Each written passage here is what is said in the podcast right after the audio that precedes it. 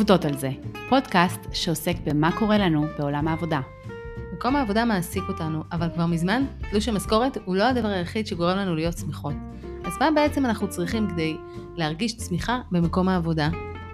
אני לאה גלבנד, מלווה אנשים במסע הקריירה שלהם. אני מאמינה שאנחנו כאן כדי לצמוח, ואיזו זירה טובה בשביל פעולה זו מאשר עולם העבודה שלנו. אני אפרת גבעתי, מאוהבת בארגונים ובסיפורי תעסוקה, חוקרת את התחום ומה קורה כשאדם פוגש ארגון וארגון פוגש אדם. מודעות, בחירה ותעוזה, אלו הדברים שיצרו מחדש את עולם העבודה של מחר. מזמינות אתכם לקחת את המושכות לידיים ולחשוב איתנו ביחד על עולם עבודה משמעותי ומאוזן יותר. אנחנו בתהליך של חיפוש. ואנחנו עובדות על זה.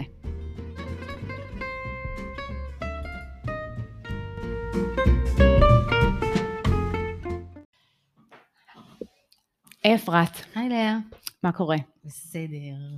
אנחנו סוף סוף מגיעות לדבר על נושא שאנחנו מחכות הרבה זמן לדבר עליו, נכון. והוא job crafting.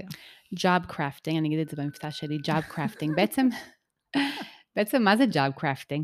תסבירי לנו מה זה. מה זה? כן, כי את לימדת אותי את המושג הזה. אוי, זה מושג מהמם. אמ, איך אנחנו מעצבות לעצמנו את סביבת העבודה שלנו, את העבודה שלנו, את הגדרת התפקיד שלנו. איזה כוח, איזה ownership אנחנו לוקחות בעצם על, ה, על המקום הזה, שהוא הזהות שלנו, והוא המקצוע שלנו, והוא הדבר הזה שאיתו אנחנו מסתובבות גם כשאנחנו יוצאות מהעבודה הביתה, אה, ובאיזשהו שלב אנחנו גם הופך להיות חלק מהאישיות שלנו, אנחנו מציגות את עצמנו, ואנחנו צריכות להיות שלמות עם ההצגה העצמית הזאת. אז אני רוצה להגיע לשלמות עם התפקיד שלי, אם אני אומרת שאני עורכת דין וזה לא יושב לי טוב, אז אני עושה ג'וב קרפטינג, אז אני לא אומרת שאני עורכת דין, ואני מעצבת את העבודה בדמות הדבר הזה שאני רוצה שהוא יהיה. יש כאן באמת בשורה, כי אני חושבת שאני נטיתי לחשוב במונחים מאוד של שחור לבן. כלומר, או שאני שכירה ועושה את עבודתי נאמנה ואחראית וילדה טובה ירושלים, כן. או שאני יוצאת ועושה משהו לגמרי משלי. נכון. כלומר, הדיכוטומיה הזו שבין השכירה לעצמאית, שאני חושבת שכן כן הייתי בה. נכון, ואנחנו היום בעולמות של שינוי ושל חדשנות, ושהקורונה הוכיחה לנו כמה העולם הזה הוא מטורף. אה, וכל המילים של ווקה ואג'יליות וחדשנות משבשת והמון המון המון מושגים שנכנסו בתקופה האחרונה והם היו קיימים שם קודם, ייאמר לזכות כל התיאורטיקנים אה, של תיאוריות כאוס ותיאוריות פרדיגמות ותיאוריות שינוי שתמיד אמרו שהדבר הכי קבוע בעולם זה השינוי. אה, הקורונה הוכיחה לנו שוב כמה זה לפתחנו וכמה אפשר לעשות דברים אחרת וכמה שהארגונים פחדו מלעבוד מהבית גילו שאפשר לעשות את זה וכמה שאנחנו גילינו דברים גם על מקומות העבודה שלנו, אה, וזה מאוד מאוד השתלב עם התיאוריות האלה, וכל מי שהטיף להם נורא נורא שמח שהנה עכשיו כולם, כולם מדברים שינוי וכולם מדברים חדשנות, וכולם מדברים גם את השפה הזאת של אני גם וגם וגם. זה, זה באמת מדהים. ככה, מעניין עד, עד כמה רחוק זה יכול ממש להגיע, וואו, כן. כי זה כאילו מזכיר לי איפה, איפה אנחנו ממש לא. ואני אגיד פה משהו שלא התכוונתי להגיד אותו, אבל הוא עולה לי עכשיו, שאימא שלי הייתה בטיול בהודו, אני לא הייתי עדיין בהודו, אני ממש רוצה לטוס, לא הייתי, אבל היא חזרה והיא ראתה שם את החברות המסורתיות, שנגיד, לא יודעת, זה אנשים שהם, אה, אפילו לא יודעת איך זה נקרא, עובדים עם גרעינים, כאילו הם, לא יודעת איך זה נקרא, הם כאילו, הם עושים... מפתחים גרעינים בשביל שאנחנו נוכל לאכול אותם בלי הכיפה. הם כאילו עושים משהו של תבואה. הם מלקטים את הגרעינים, הם מייבשים אוקיי, מלקטים, תודה. בוא נגיד מלקטים. מלקטים. אוקיי. והיא דיברה איתם, או הבינה, לא יודעת מה המדריך, שבעצם זה אנשים שזה מה שהם עושים. ואבות אבותיהם, זה בדיוק מה שהם עשו. וזה פשוט אוקיי. היכה בי. אמרתי, וואו, זה אנשים שהם בכלל לא, כאילו, אנחנו מוציאים כל כך הרבה אנרגיה על לנסות להבין מה אנחנו רוצים לעשות, ומי אנחנו רוצות להיות. נכון. והם אפילו לא חושבים על זה, כאילו כל הפלח הזה של החיים שלהם הוא מסודר, הוא מכוסה, הם לא, לא חושבים על זה. נכון. וזה גם שחרור מאוד גדול, אגב, הם יכולים זהו. להיות במדיטציה, הם יכולים להיות בזן, בזון, כן. בכל, בכל הדבר המיטיב הזה. כן, אבל, אבל בדבר הזה הם לא, הם לא צריכים לעסוק. לכן אני אומרת, זה מעניין עד כמה, אם אנחנו חוזרות לענייננו של ג'אב קרפטינג, עד כמה רחוק זה יהיה, כי באמת יש היום גמישות מטורפת. בפרק הזה אנחנו לא נתנצל על זה, אנחנו לא ננסה לחזור להיות הודו, כי אנחנו לא, mm-hmm. וכרגע זה החיים שלנו. אפשר אולי להיות באיזושהי ביקורת וסימן שאלה ולהגיד, אולי, את יודעת, האם הבחירה היא אינסופית יותר מדי וכולי וכולי, אבל כרגע אנחנו באמת במקום שזה הזיידגייסט, נכון? זו רוח התקופה שלנו. נכון. ו- והדבר הזה הוא באמת uh, בפתחנו. זה ממש כל, דוד, כל דודי דופק מהבחינה הזו שזה, שזה, שזה מסעיר את כולנו, נכון. העניין הזה, של באמת לבנות uh, את העבודה שלנו כ- כיצירה של עצמנו. אז אני אגיד שבדיוק קראתי השבוע, אפרופו מחסור העובדים המאוד גדול במשק, ושאין mm-hmm. עובדים, לא חתרניות ולא בסנטר קולס, ואין עובדים. אה, והיה כתוב על חברת אל על, או חברות התעופה, שפעם היו מעבידות אנשים במשמרות כפולות, ואומרים להם, אתה בא, אתה בא חייב חמש משמרות בשבוע, מי שהייתה, או היה, מלצר או מלצרית זוכרים את זה, כאילו אתה חייב מינימום משמרות, והיום זה לא ככה, היום אפשר לעבוד בחצי משרה, אפשר לעבוד משמרות מהבית, אתה יכול להיות טלפן מהבית, כאילו כל מיני דברים שבאמת מאפשרים, ואם פעם אי אפשר היה להיות, ההורים שלנו לא יכלו להיות גם וגם וגם, היום מקומות העבודה מאוד מאפשרים את זה. אני חושבת שזו ברכה גדולה. וכשאנשים כל הזמן שואלים אותי, איפה העובדים? איפה העובדים? הנה, עובדים הצליחו להבין שהם יכולים להיות פרילנס, והם יכולים להיות שכירים, והם יכולים לעבוד מול חשבונית, והם יכולים, יש כל כך הרבה צורות העסקה, וזה באמת, זה בעיניי ברכה אדירה. כן, זה ממש ככה מעלה לי את המושג או את הערך של חופש, כי הדברים האלה בעצם מייצרים לאדם יותר חופש. נכון. ו... ויש פה את הסיפור האלמותי על ההייטקיסטים, שבאחד הפודקאסטים אמרו, אה, אני לא רוצה חתונה, אני רוצה להישאר בעולם הדייטים, אני רוצה לעשות mm. פרויקטור, אני רוצה להיות פרילנס, אני אעשה פרויקט ואני אעזוב פרויקט ואני אעזוב, אני לא חייב להתחתן עם הלקוח. אה, וגם יש פה תפיסה גם של ארעיות מצד אחד וחוסר מחויבות, אבל מצד שני, זה, זה חופש, וזה חופש בעולם עבודה, קפיטליסטי, נכון. משעבד, הוא חופש שבעיניי לאנשים מסוימים הוא מאוד יכול להיות רלוונטי ומשלים. נכון. אה, ונפלא. אני חושבת שעדיין אפשר למצוא כן את העמוד שדרה, כי בעיניי יש עדיין מקום לפתח אה, מיומנות אה, ומקצועיות ארוכת טווח, כלומר לעבוד על, הקר... על הקראפט שלנו, נכון? על הדבר שלנו לאורך זמן, הדבר הזה לא הולך לאיבוד, ואני חושבת שהוא יותר חשוב מתמיד, העמקה וההתמדה, אבל איך שאנחנו רוצים שזה יהיה, ולא להיות על מסוע של כן. חברה או ארגון אחר שמנתבים את זה לדרך שלהם. אז כאילו חשוב לי לעשות את ההפרדה הזו. נכון. וגם, אני אוסיף, לפעמים משטחים את זה. זאת אומרת, לפעמים ארגון לא מאפשר לי את העמקה הזאת שאת מדברת עליה. ממש. אני חושבת שזה ממש נקודה חשובה. בדיוק, ואז אנחנו צריכות לעשות את זה בעצמנו. נכון. נכון, אז אני רוצה, תראי מה אני רוצה שאנחנו נעשה פה. אמ, בואי נעלה ביחד כמה נקודות, ונראה אותם קודם כל מנקודת המבט של האדם הפרטי, של העובד, ואיך הוא, אנחנו רוצות בעצם להציע כאן איך הוא או היא יכולות לחשוב על זה, mm-hmm. ואז נעשה ככה את, ה, את ההתמרה או את ההתאמה ונחשוב איך הארגון, ספציפית המנהלים, יכולים לאפשר לדבר הזה להתקיים, כי את יודעת, כמו בציור הזה של מיכלנג'לו, כאילו צריך שאצבע תיגע באצבע אחרת, אוקיי? Okay? אז קודם כל בוא נדבר על הדבר הזה שכל כך אה, נפוץ היום, שילוב של עבודה פרופר עם משהו אחר. בין אם המשהו אחר הזה זה יותר חופש, יותר משפחה, יותר זמן עצמי, ובין אם זה משהו יזמי משל עצמי, ואני חייבת להעלות פה כנקודה, את המחנכת, אוקיי?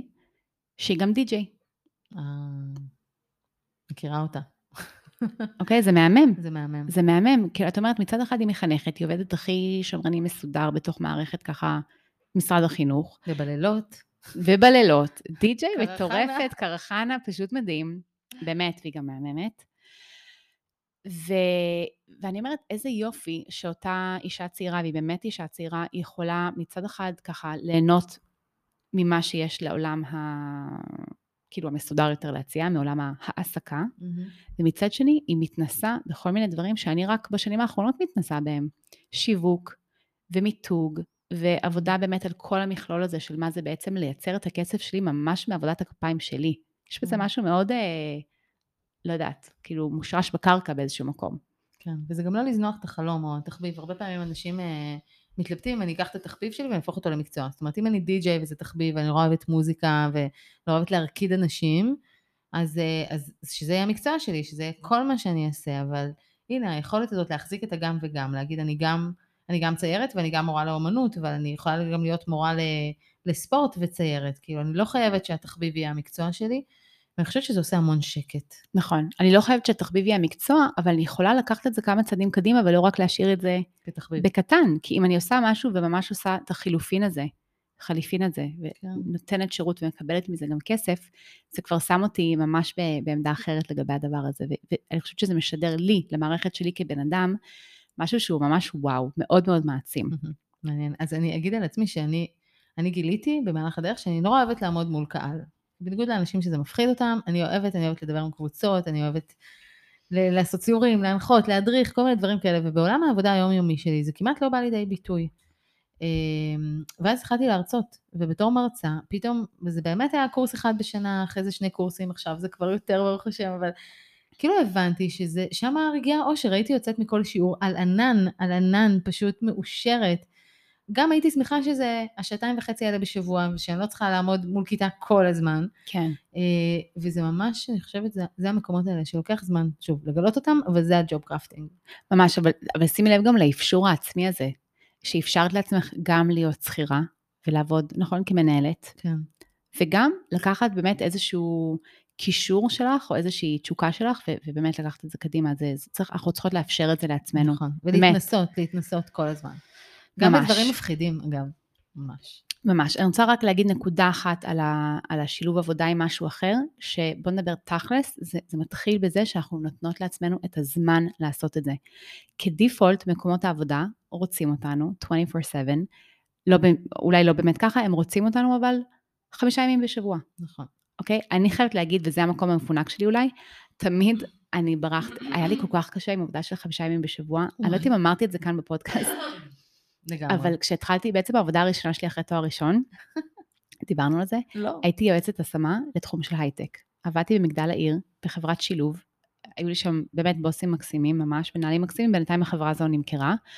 ובאתי, אה, יש לי תחושה שכבר אמרתי את זה, באתי לעבודה שמונה עד חמש במשרד. ואמרתי, אמרתי, what the heck is this? אני, אני הייתי רגילה ל, לשיר של, אה, איך קוראים לה? 9 to Working 9 to 5. מה זה 8 to 5? ולשבת ככה במשרד כל וואו. הזמן, זה באמת היה מתיש, אני שרדתי שם עשרה חודשים, ואז התחלתי תואר שני. אבל הלמידה שלי מהמקום הזה הייתה, אני חייבת להשאיר לי איזשהו מרווח של חופש. ואחר כך בשירות הפסיכולוגי באמת עבדתי אה, לרוב ב-70% משרה, ואני כן. יודעת שזה סוג של אולי לוקסוס. אני, ברור ששילמתי גם על זה מחיר, אבל היה חשוב כן. לי יותר המחיר הזה של החופש. על, על חופש יש מחיר, אבל הייתי, אני הייתי מוכנה לשלם אותו.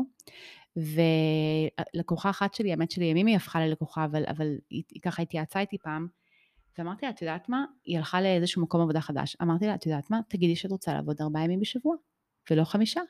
נכון. תעשי את הקאט הזה, כדי לייצר את עצמך, את, ה, את הזמן של הכלום הזה, מן הסתם זה לא כלום אף פעם, כן? אבל הזמן הזה של לייצר משהו חדש. אגב, אני ממליצה בזה, ועשיתי את זה, ונוסה בהצלחה, להגיד, אני כל כך טובה, אני כל כך מוכשרת, אתם תקבלו ממני את אותו דבר בארבעה ימים, ואני אהיה בארבעה ימים האלה פי אלף יותר טובה מאשר בחמישה ימים, אז תשאירו לי את אותו שכר, גם אפרופו בדיוני שכר. תשאירו לי את אותו שכר, ואני אעבוד ארבעה ימים בשבוע. יאללה. אה, ולפעמים זה עובד, לפעמים לא, אבל שווה לנסות. ואני אצטט את אה, נאור נרקיס, שאני מאוד אוהבת, הוא הקים את אה, קהילת התוכן תוכניסטים. מהמם. יש לו יוטיובים מקסימים של חמש דקות בלבד. ואחד הדברים הוא אומר, אני לא עובד בימי רביעי. זאת אומרת, אני לא עובד בימי רביעי ה- בשביל להיות יצירתי, בשביל להיות מקורי, בשביל להיות באמת שם, סליחה, בשביל הלקוחות שלי, אני חייב את היום הזה. זה יום שאני לא זמין, יום שאני לא עובד, יום שאני רק יצירתי, אני רק פורה, אני רק חושב. אני לא זמין ביום הזה. ובעיניי, וואי, הלוואי והייתי יכולה לאמץ את זה אה, לעולמות שלי, אבל אני חושבת שיש בזה את היום הזה של ההתענות, שאני ממש נטענת מחדש. אין ספק, אין ספק. תראי, אני עוקבת אחרי אמי פורטרפילד, שהיא היא באמת, היא, היא הענקית של קורסים דיגיטליים בארצות הברית. יש לה פודקאסט ממש ממש טוב, אמ, שנקרא, הוא נקרא אה, Online Marketing Made Easy, כן, שם. שם אה, סופר כן. קליט. אה, אבל היא מאוד מאוד, אני היא מאוד דידקטית, היא מאוד מלמדת, היא מאוד, קיצור, היא, היא, היא ממש מעולה, והיא לאחרונה עברה עם כל הצוות שלה לארבעה ימים בשבוע. כן, לא, זה גאוני בעיניי, באמת, כן. פשוט גאוני. הם עובדים לדעתי Monday, Tuesday, Wednesday, Thursday, זה מדהים, והיא מדברת על זה הרבה, ויש יש ממש תנועה כזאתי, וזה מהמם. מבחינת הארגון, אוקיי, הארגון, ובואו נדבר על האנשים בארגון, אוקיי, זה מדובר על מנהלים שמחליטים את ההחלטות האלה. זה דורש מהם גמישות ואפשרות לראות את האדם, את העובד, כהוליסטי. לא רק כאחד שנותן, כאילו, מספק איזושהי תמורה ספציפית, אלא כאדם הוליסטי. ובעיניי כשהם עושים את זה, הם ממש מרוויחים, הם מרוויחים את הנאמנות בעיניי של, של העובד שלהם. כי נכון. העובד שלהם, בגלל שיש לו את העוד אקסטרה הזה בחיים, הוא יכול לפתח נאמנות והליכה לאורך זמן עם הארגון. נכון, וארגונים הרי כל הזמן מתלבטים עם המקום הזה של כמה זמן, כמה לוקח לי להכשיר עובד, כמה זה נורא לאבד עובד, לאבד את הידע הארגוני הזה, שהכשרתי אותו. בדיוק. אז האפשרות הזאת של ארגון, ופה אני רוצה להגיד באמת להטיל אחריות על הארגונים. אה, ופה יש את הסיפור האלמותי, על אותה מזכירה שיושבת ומבזבזת לכאורה, היא נורא אוהבת לדבר עם אנשים, והיא נורא טובה ב- בלעשות small talk, והיא מדברת עם אנשים. עכשיו כל בן אדם שניגש אליה, היא מדברת איתו, מנהלת איתו שיחות, זה נורא כיף לה. אה, מצד שני, היא מכלה את הזמן הארגוני, זאת אומרת, עוד אנשים מחכים בתור, עוד אנשים, זה, זה מפריע לשאר המזכירות וכולי. היא לא תקתקנית. כן, לא, אפס, פחות. אבל אישה נורא נחמדה ומקסימה, ולא רוצים, הארגון לא רוצה להיפרד ממנה, ו, ומה שהסיפור מספר זה שהפכו אותה להיות המשווקת יחסי הציבור של הבריכה באותו מקום. אה, והיא פרחה, היא עשתה לה משרד, היה לה קבלת קהל, היא לא עיכבה אף אחד, היא הייתה הכי טובה באמת בשיווק. מה זה אנשים שמדברים עם אנשים? היא עשתה שיתופי פעולה, היא, היא נקשרה לוועדי עובדים, זאת אומרת היכולת הזאת לקחת אותה מאותו ריבוע, ריבוע ריבועי לגמרי שהיא הייתה בתוכו, ולהביא לה את היכולת הזאת, זאת אומרת היא לא הייתה עושה את זה בעצמה, זה לא איזה צעד שהיא יכלה לעשות לעצמה, אבל ברגע שהארגון ראה את זה, ורואה את היכולות שלה, והוא השקיע זמן ואנרגיה בלעצב לה את סביבת העבודה מחדש. ממש צריך לראות את המשרד שלה, ממש ראיתי את זה במו עיניי, זה פשוט מדהים לראות איך שבן אדם במקום הנכון שלו, זה ווין ווין לכל הצדדים, ממש. ממש, וזה היופי של ארגונים, כלומר, אני לפעמים אומרת, למה יש לנו ארגונים? בשביל, אני כאילו, אני מגזימה ואומרת, זה רק תפאורה בשביל ההתפתחות של האדם, אוקיי? אני יודעת שזו אמירה קצת מוגזמת, אבל לפעמים ככה אני מרגישה ומאמינה. אז במובן הזה זה נכון, כלומר, ארגון באמת היה התפאורה הנכונה בשבילה, אבל גם הארגון כארגון הצליח להרוויח מזה, וזה מדהים. אני רוצה לקרוא לדבר הזה נקודת מבט טובה, או לא, בוא נקרא לזה עין טובה. עין טובה של הארגון על העובד. ממש לבוא בעין טובה ולשים לב באמת לדקויות של האדם, נכון. החוזקות שלו, הכישורים שלו, התחומים שמעניינים אותו. מה עושה לו מוטיבציה? מה נותן לו בדיוק. מוטיבציה? מה, מה עייף אותו כבר? בדיוק. וכל הזמן לחשוב, אני חושבת שהארגון צריך לחשוב ארוך טווח. אם הארגון יחשב ארוך טווח, כלומר, יש לי את האנשים האלה ובא לי לגדל אותם, לשמר אותם לאורך זמן, mm-hmm. אז זה יחייב אותם בעין הטובה, יחייב אותם בגמישות, יחייב אותם בראייה ההוליסטית.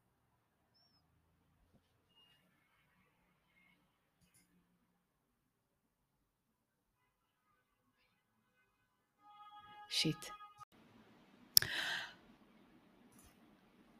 אני רוצה להעלות עוד נקודה היא נשמעת על פניו נורא נורא ברורה מאליה, אבל אני שמה לב שזה לא כזה ברור מאליו, וזה להיות אדם יוזם במקום העבודה. כן. אוקיי? אנחנו חושבות שזה obvious, אבל זה לא. נכון. זה לא obvious, כי בעצם מה שקורה זה שאנחנו נכנסות, אנחנו נכנסות כל כך עמוק לתוך המשימות ולתוך זה שאנחנו גם רוצות, אגב, לרצות ולהיות טובות ולהיות אחראיות, נכון. שאנחנו לא מספיק יוזמים במקום העבודה. ואז אנחנו, במקום לנתב את עצמנו, אנחנו מתנתבות. אנחנו נכון. ממלאות את, ה, את הצרכים ואת החלומות של, ה, של מקום העבודה. אנחנו לוקחות גם במקום הזה המון אחריות. אני רוצה להגיד שלפעמים, גם לנשים יש נטייה כזאת יותר מגברים, אני לוקחת איזה ownership, אני לוקחת איזושהי בעלות על, ה, על העבודה, ואני לוקחת אחריות נורא, וכובד המשקל של הארגון הוא על כתפיי, ובמובן הזה זה לא מאפשר לי באמת להיות במקום הזה של היצירה. ממש, ממש ככה. ואני יכולה להיות, ליפול מאוד בקלות למקום הזה של צריך. צריך, אז אני mm-hmm. עושה, צריך, אז אני עושה. חשבתי על כמה דרכים שאנחנו יכולות באמת להיות אנשים יוזמים יותר בתוך מקום העבודה, אוקיי? דבר אחד זה לחשוב על תחומים שמעניינים אותנו. פשוט לחשוב על תחום ממש מבחינה אה, נושאית, אוקיי? כן, של משהו שמעניין אותנו. כן.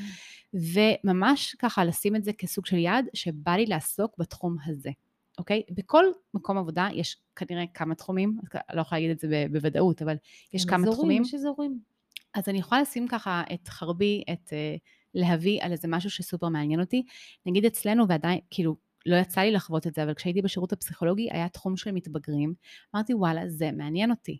לא משנה, הייתי צריכה לחכות המון המון זמן ולסיים את ההתמחות, ואז כבר עזבתי. Mm-hmm. אבל כן היה לי משהו שאמרתי, וואי, בא לי להתנסות בזה, בא לי את התחום הזה. אוקיי? Mm-hmm. Okay? אז, אז ממש לשים לב לתחומים שמעניינים אותנו. דבר שני, לשים לב לחוזקות שלי, שבא לי למצות ולעשות אותם יותר. אמ, ו- ו- ולעשות יותר דברים כאלה.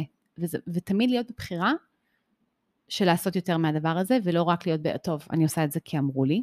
נכון. ודבר שלישי, כישורים. בכישורים אני מתכוונת כמו דברים שמיומנויות אולי, כמו דברים שלמדתי על הדרך ונורא נורא בא לי, אבל אני צריכה לזכור שבא לי ולעשות עם זה משהו, להביא אותם לתוך מקום העבודה. כשאני למדתי אימון אישי, אז הייתה לי את האפשרות לעשות אה, מפגש, אה, ישיבת צוות, ולהביא אלמנטים מתוך האימון האישי לתוך השירות הפסיכולוגי.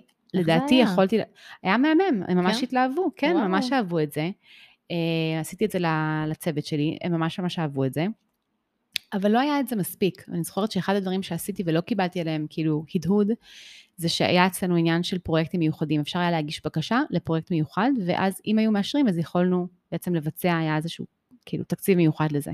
כן. והגשתי בקשה לעשות איזושהי תוכנית לאימון אישי, לא זוכרת באיזה מסגרת, והגשתי את הבקשה הזו, ולא יודעת, לא קרה עם זה שום דבר.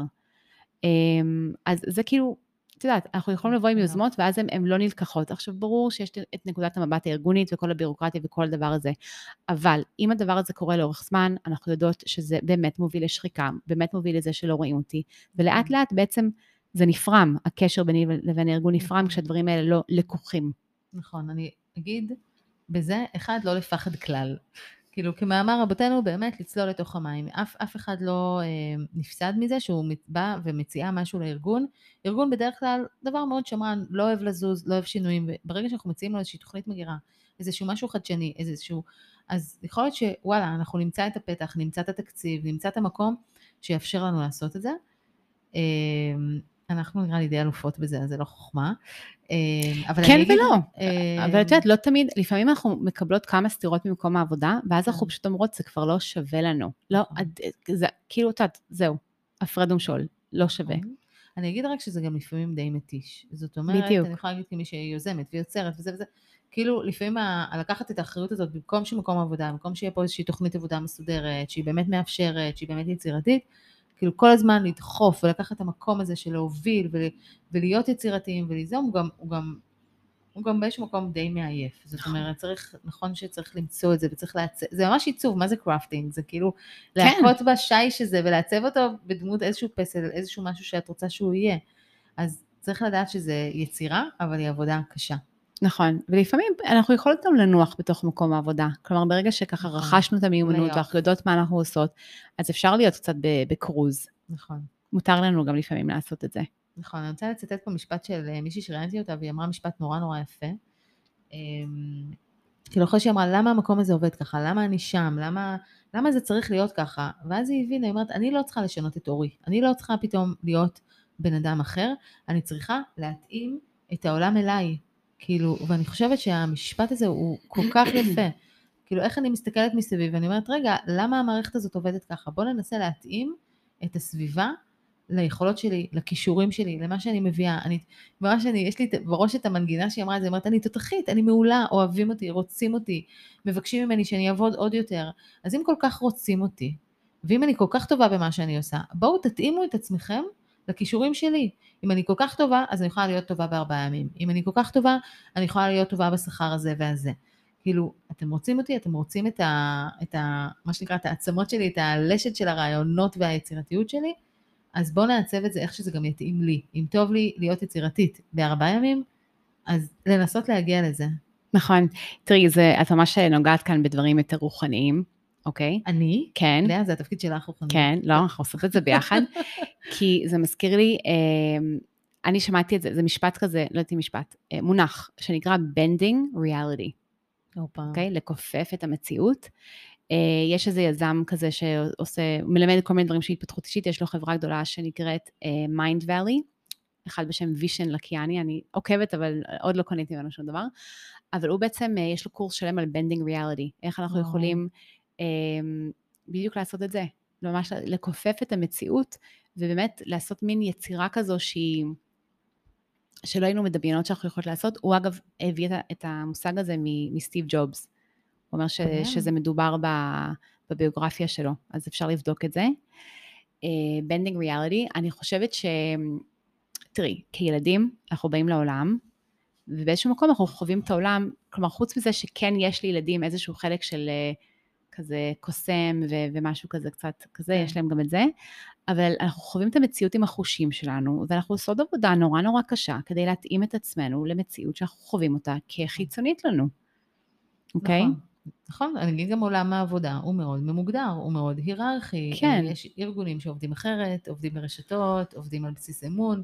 זאת אומרת, אנחנו מאוד מאוד מקובעים בהבניות התרבותיות שלנו. בדיוק. וככה ארגון נראה. אבל העניין הוא שאנחנו הרבה פעמים יכולות, אני חושבת שזה חשוב בהתחלה, כי אנחנו צריכים להבין את העולם שאנחנו מתנהלים בו. ובאמת, אני חושבת שכצעירים אנחנו עושים עבודה של to fit in, פשוט להבין, באמת, להבין, אני כל הילדות שלי הייתי עסוקה ב... לא to fit in בקטע של למחוק את עצמי, אבל להבין מי נגד מי ואיך הדבר הזה עובד, זה, זה, אני חושבת שזה גם היה לי חזק כעולה חדשה, באמת. כן. כאילו, באתי לארץ בכיתה ב', ובאתי לבית ספר אה, של, היום הילדים שלי לומדים שם, אבל כאילו מבחינת ישראליות, והיה לי זכות עצמי, אני זוכרת את עצמי, באמת, אה, מגיעה, היה לנו איזה יום שיצאנו לגן השעשועים, וכל הילדים פשוט עלו, טיפסו למגלשה, והתגלשו מהמגלשה, וטיפסו ועלו. היה שם איזשהו אה, מעגל כזה, לופ כזה של הילדים, ולא הצלחתי להשתחל, לא הצלחתי להשתחל, האמריקאיות שבי. אז כן, אז הייתי צריכה ללמוד. למדתי להידחף. למדתי להידחף, הייתי צריכה ללמוד לפתח את המרפקים האלה. אה, כדי, שוב פעם, נקודה שלנו, להתאים את עצמי למציאות שחוויתי אותה כחיצונית. נכון. אבל אוי לנו, באמת, זה עצוב אם אנחנו נמשיך לחיות בתפיסה הזו לאורך כל החיים שלנו. מתישהו אנחנו רוצות כן להפנים את הכוח שיש לנו, להפנים איזשהו כוח פנימי שיש לנו, אפילו אם זה כוח מהבורא שנמצא אצלנו, לא משנה איך אנחנו מתייחסות לזה. ובאמת לחבר את זה, ללבנות את המציאות שלנו, כפי שאנחנו גם רואים אותה בעיני רוחנו מבפנים.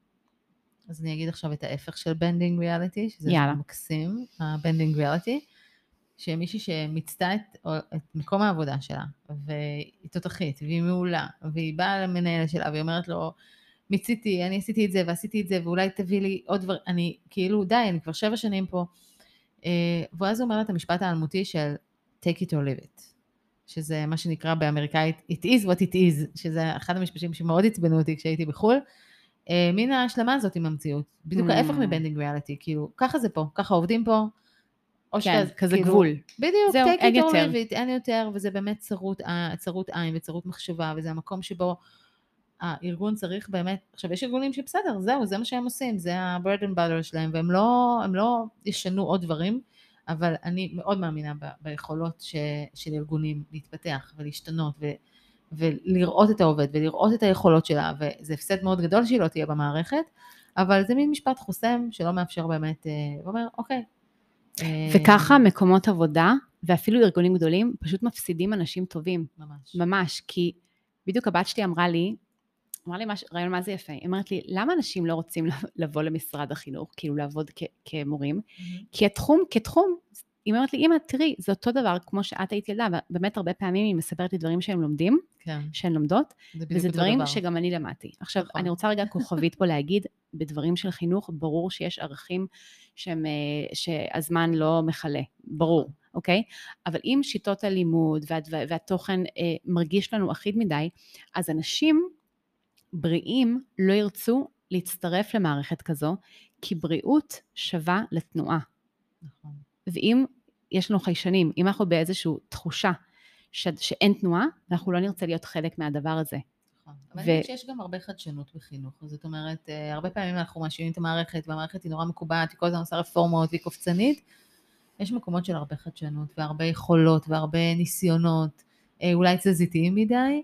אה, במובן הזה דווקא כן רובינזון מדבר המון על, על חדשנות בחינוך, והוא אומר שבעצם החינוך אה, נתפס פעם כמכונה, כאילו ממש כמו מפעל, חילקו לקבוצות עבודה, חילקו לפי גילאים, והוא ממש שובר את הפרדיגמה הזאת, הוא ממש אומר, תחשבו שלומדים רב גילאי, תחשבו שלא לומדים לפי כיתות, או לפי קבוצות, כאילו, או בכלל לומדים בחוץ ולא לומדים בתוך מבנה. נכון. כאילו היכולת הזאת של לדבר חדשנות בחינוך, ויש גופים שעושים את זה והם עושים את זה מדהים. נכון. אז כמו בחינוך, אני לוקחת את זה רגע לעוד מקומות עבודה, לא, לא חייבים של take it or leave it, לא חייבים את השחור והלבן הזה, אפשר באמת גם במקומות מאוד מרובעים, גם במשרדי ממשלה, גם במקומות שהדריל הוא מאוד קבוע, נהלי עבודה מאוד קבועים, אפשר גם שם למצוא חדשנות ו... אין ספק, אפשר למצוא את זה שם, ועדיין תפקידו של האדם הפרטי להביא את היוזמה שלו לתוך המקום. כי בסוף, אם רגע נחזור לדוגמה של משרד החינוך, אז למורה הפרטי יש כל כך הרבה מקום בתוך הממלכה הפרטית שלו, ואוי לו אם הוא אומר, אה, כאילו, זה, את יודעת, זו תוכנית הלימודים. ברור שתמיד יש שם את המקום הזה של היצירה העצמית, אוי לנו אם לא.